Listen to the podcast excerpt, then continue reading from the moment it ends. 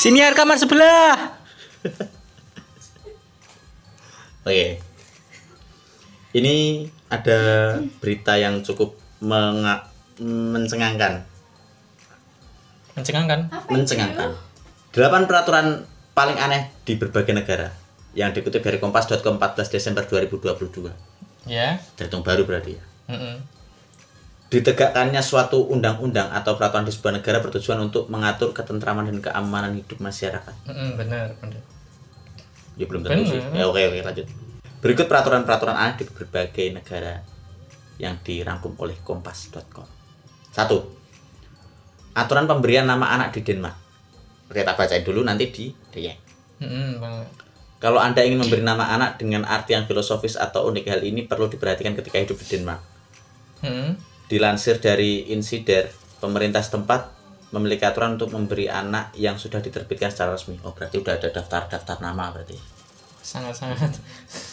Denmark Sangat- mengatur nam bahwa orang tua mana pun yang hendak memberi nama untuk buah hatinya harus mematuhi pedoman pemberian nama.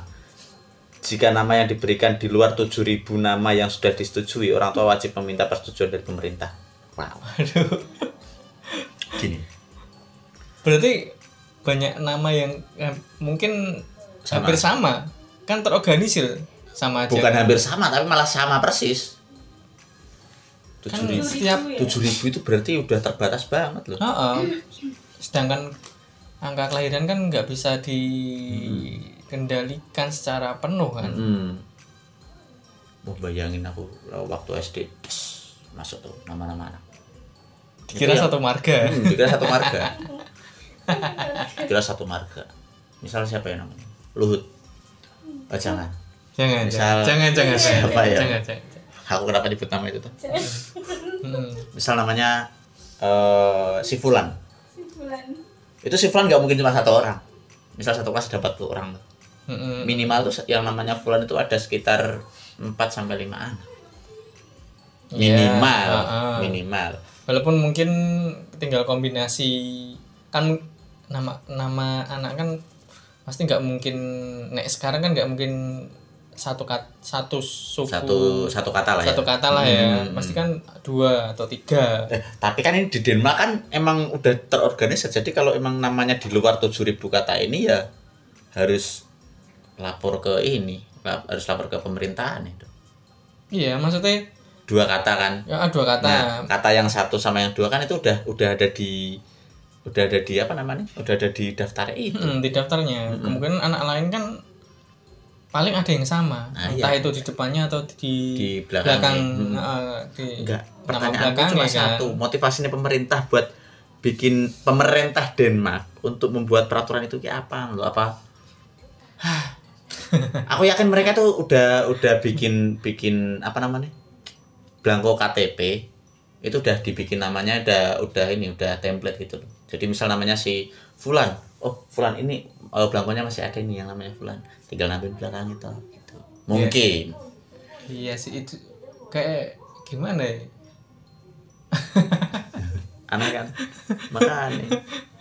nama Iya. orang gitu makanya kok cuma 7000 sedangkan apa mungkin trauma dengan nama nama nama Nama-nama yang aneh gitu ya. seperti episode kita sebelumnya no, nama-nama Yang aneh itu oh, oh, Tuhan. nama Tuhan itu Ah, ya terus apa oke nomor dua larangan pakai sepatu hak tinggi di Yunani Hmm.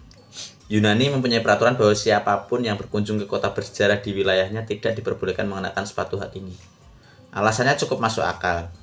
Bahwa sepatu hak tinggi berisiko merusak kelestarian benda peninggalan sejarah. Jadi para wanita yang ingin tampil trendy ketika berkunjung, berkunjung ke wilayah Mediterania ini perlu hati-hati dan menjaga kelestarian kota bersejarah di sana. Oh, kalau ini masih masih inilah masih masuk akal. Heeh. tapi masa hak tinggi separah itu kah merusak itu Loh, kalau yang lancip-lancip itu kan bisa aja kan itu merusak itu batu-batu. itu mau buat jalan kaki atau mau buat bunuh orang ya bisa aja kan Lagian kenapa sih cewek-cewek suka pakai hak tinggi padahal sakit loh Kan ya cantik. nah itu itu sebuah gini loh pengorbanan dari estetika estetika Iya. itu banyak Kan pengorbanannya kan juga jarang es- estetika mengedepankan kenyamanan itu jarang jarang ada ya jarang iya sih tapi ya Ya udahlah. Oke, next nomor tiga. mungkin Wah. sepatu haknya eh, di sana rata-rata mungkin terbuat dari eh Aku bumi itu. Enggak ya? enggak. Oke, lanjut. Larangan pakai pistol, oh nomor tiga. Larangan pakai pistol air di Kamboja. Pistol air. Pistol air. Oke. Menyemprotkan pistol air adalah kegiatan yang dianggap seru oleh anak-anak maupun orang dewasa ketika bermain atau perayaan tertentu. oh iya Namun pada tahun 2001 yang lalu penggunaan pistol air dilarang oleh Kamboja, tepatnya di Aduh, mau piye iki? Phnom Penh.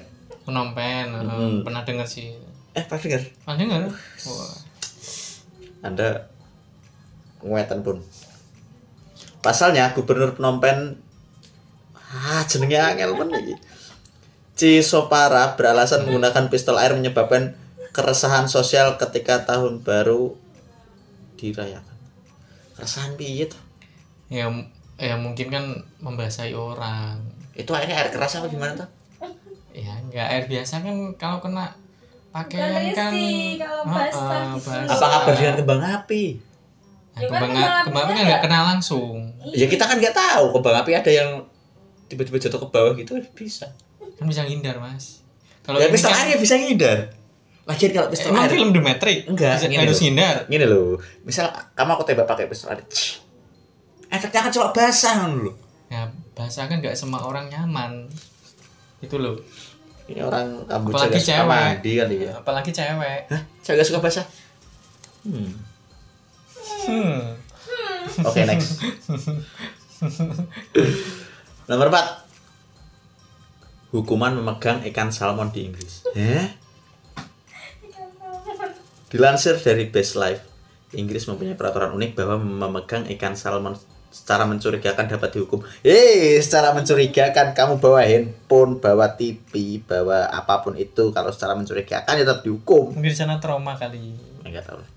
Peraturan tersebut berlaku semenjak Parlemen Inggris mengesahkan UU Salmon Act tahun 1986. Dengan begitu siapa pun yang sedang menangani salmon wajib memperlakukan ikan itu dengan cara-cara nah tertentu. itu kan Gini, alasannya gini, Maksudnya gini dulu. Ini kan di sini tertuliskan ya. Bahwa memegang ikan salmon secara mencurigakan dapat dihukum. Oke. Kalau kamu bawa barang apa pun secara mencurigakan, itu kan ya bisa dihukum. ya benar cuman konteksnya dalam Tapi negara kenapa harus- ini kan harus- negara mana tadi tadi Inggris. Inggris Inggris kan? loh. Inggris tuh negara maju, men. iya Inggris kan terkenal dengan Royal Navy-nya kan Mm-mm. dengan pelautnya Hmm. justru itu mungkin di sana kan konteksnya yang digaris bawahi kan salmon ya mungkin kalau di sana yang digaris bawahi mungkin apa eh, kura-kura ya kura-kura gitu Hmm, iya, iya, iya, iya. akal.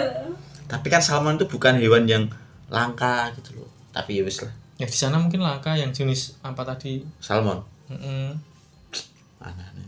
Oke, nomor 5. Tidak boleh mengendarai mobil kotor di Rusia. Wah, wah itu menjaga kebersihan itu bagus bagus.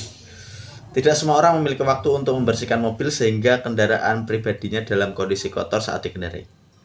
Tapi, kebiasaan ini dianggap terlarang oleh Rusia. Bahkan orang-orang membiarkan mobilnya kotor di jalan raya dikenai hukuman. Peraturan aneh ini sebenarnya sudah berlaku sejak 2006 dan surat kabar Rusia Isvesit ah, Isvestia menyebut bahwa 46% pembacanya setuju dengan peraturan ini karena plat nomor kendaraan sulit terlihat nah itu mungkin saat mobil kotor. Kalau plat nomor sampai nggak kelihatan kan berarti emang itu 4-5 tahun nggak dicuci dong. Mungkin di sana mahal itu kali ya Mahal air. Oh, mungkin ya apa apa gimana ya Tapi kalau masalah karena kan peraturan dibuat kan berarti kan karena mungkin mayoritas mm. di situ kan sudah terulang kali terjadi kan Mm, makanya dibuat dibuat peraturan, Peraturan. tersebut kan mungkin biar ada perubahan ke Rusia ya bikin cucian mobil. harus pasti ya Hmm, kaya kita. Oke, lanjut. Nomor 6. Wah, kacau sih. Larangan membayar dengan banyak uang koin di Kanada. Ada beberapa peristiwa di Indonesia ketika orang-orang tertentu membeli mobil atau motor dengan uang koin berkarung-karung. viral Viral. Iya. Pasti. Akan tetapi hal in, hal yang sama tidak berlaku di Kanada karena Currency Act yang disahkan tahun 1985 membuat siapa pun tidak boleh melakukan transaksi dengan uang koin yang terlalu banyak. Di sini nggak disebutkan jumlahnya. Nah, terlalu banyak itu berapa? Yang pertama, yang kedua, kan di sana diciptakan uang koin. Uang koin kan digunakan untuk bertransaksi. Lah kalau adanya uang koin, kita harus ke bank nukerin uangnya ke uang kertas gitu. Hmm, mungkin mereka mengasihani bagian kasirnya mungkin Buat ngitungnya. Hmm, buat ngitungnya. Dan mungkin yang antri di belakangnya, oh manusiawi itu. Tapi kan ah iya. iya. Dengan banyak uang koin. Mm-mm. Kan sapi. Berarti dia memikirkan karyawan-karyawannya. Mungkin yang bayar pakai uang koin itu juragan dingdong kali. di sana ada dingdong. Iya siapa tahu kan. Oke, nomor 7. Aturan mengunjungi orang tua di Cina. Wah, Wow. Cina memberlakukan aturan bahwa anak harus mengunjungi orang tua apabila mereka bekerja atau tinggal di tempat jauh. Peraturan tersebut termaktub. Oh, typo. Termak. Ini apa sih? ya? Termasuk ya. Termasuk mungkin. Termasuk dalam UU Perlindungan Hak dan Kepentingan Lansia yang sudah disahkan sejak 2013. Kalau ini aku setuju. Setuju. Hmm. Tua. Gimana? Gak ada perdebatan ini? Tidak. setuju sih. Ya, setuju ya wes. Skip. Ini mah gak aneh nih. Ini kompas piye to pas? Eh, Oke nomor 8 Larangan mengajak jalan-jalan Larangan mengajak jalan-jalan anjing di Italia Wow Dilansir dari The Lawyer Portal Ada peraturan dari Dewan Kota Turin, Italia Yang melarang pemilik anjing untuk mengajak si Anabul jalan-jalan setidaknya tiga kali dalam sehari Kayak minum obat ya. Mereka-. Mereka yang ketahuan mengajak anjingnya jalan-jalan sebanyak tiga kali dalam sehari akan dikenakan denda 8,2 juta rupiah. Waduh. Dalam hal ini Italia bergantung pada banyak informan untuk memperoleh laporan tindakan kekerasan pada hewan. Wes Arjun itu kayak Oh. Ya bener lah, masa anjing diajak berjalan? Harusnya ya berlari lah. Aku Masa nge-lag berjalan? Kasihan berjalan. Iya. Kan dia kakinya empat. Iya. Iya iya iya. Jalan kan kakinya pakai dua ya. Mm-mm. Manusia berjalan, Ya manusia. Ya, iya. Ya manusia. manusia berjalan. Tapi Anjing berjalan. ada anjing yang berjalan, anjing yang ngomong aja ada.